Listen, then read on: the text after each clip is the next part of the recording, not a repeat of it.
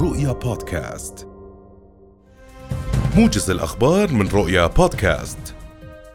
أدان وزير الأوقاف والشؤون والمقدسات الإسلامية الدكتور محمد الخليلة قيام سلطة الاحتلال الإسرائيلي بالسماح للمتطرفين اليهود وحمايتهم لتنفيذ اقتحامات ممنهجة تهدف إلى النيل من إسلامية المسجد الأقصى وحرمته وقدسيته. معتبرا ذلك استفزازا لمشاعر ملياري مسلم في العالم.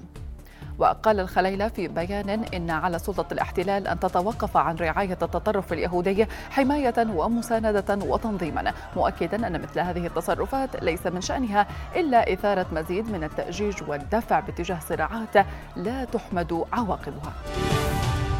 قال الناطق الإعلامي باسم وزارة الأوقاف والشؤون والمقدسات الإسلامية حسام الحياري اليوم إن الوزارة سترسل رسائل قصيرة لجميع من تم اختيارهم لأداء فريضة الحج هذا العام. وأضاف الحياري أن الموعد النهائي لمراجعة مراكز التسجيل الأولي لكل من تم اختياره لأداء فريضة الحج هذا العام سيكون مساء الخميس المقبل لاستكمال إجراءات التسجيل. وبين أنه على المسجلين ضرورة مراجعة إحدى شركات الحج والعمرة المعتمدة واختيار برنامج برنامج الحج الذي يناسب كل حاج حصل على تصريح الحج لهذا العام خلال ثلاثة أيام.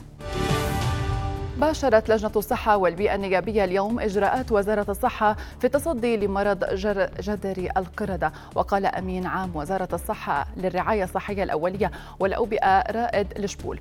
إن الأردن يخلو من أي حالة إصابة بمرض جدري القردة بعد تعميم لفرق التقصي الوبائي في جميع المستشفيات والمراكز الصحية بضرورة متابعة أي حالة أو أي حالة اشتباه لأعراض هذا المرض.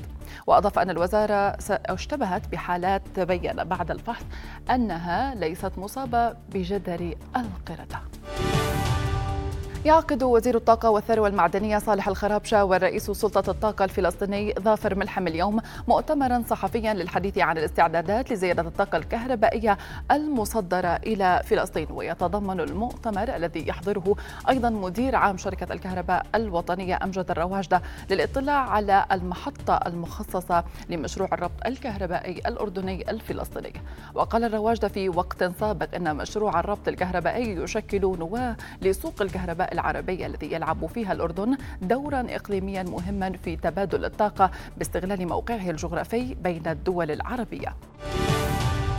أصدر رئيس مجلس السيادة الانتقالي في السودان عبد الفتاح البرهان مرسوما برفع حالة الطوارئ في كل أنحاء البلاد لتهيئة المناخ لحوار وطني من أجل إنهاء الأزمة السياسية الراهنة وفق بيان صادر عن إعلام مجلس السيادة وجاء هذا المرسوم بعدما أوصى مجلس الدفاع والأمن في وقت سابق من يوم الأحد عقب اجتماع ترأسه البرهان برفع حالة الطوارئ وإطلاق سراح جميع المعتقلين وتهيئة المناخ الملائم للحوار والتوافق الوطني. ارتفعت حصيلة ضحايا الفيضانات في البرازيل إلى 79 قتيلا. فيما قالت الحكومة البرازيلية أن أكثر من 100 شخص فقدوا أو تأكدت وفاتهم في البلاد نتيجة انهيارات طينية وسيول نجمت عن أمطار غزيرة واكتسحت عدة أحياء وبلدات في شمال شرقي البرازيل. وهذه رابع مرة تشهد فيها البرازيل. فيضانات ضخمة خلال خمسة أشهر مما يؤكد الافتقار للتخطيط العمراني في الأحياء الفقيرة في معظم أنحاء البلاد حيث يتم في الغالب بناء مناطق عشوائية على سفوح التلال المعرضة للانهيار.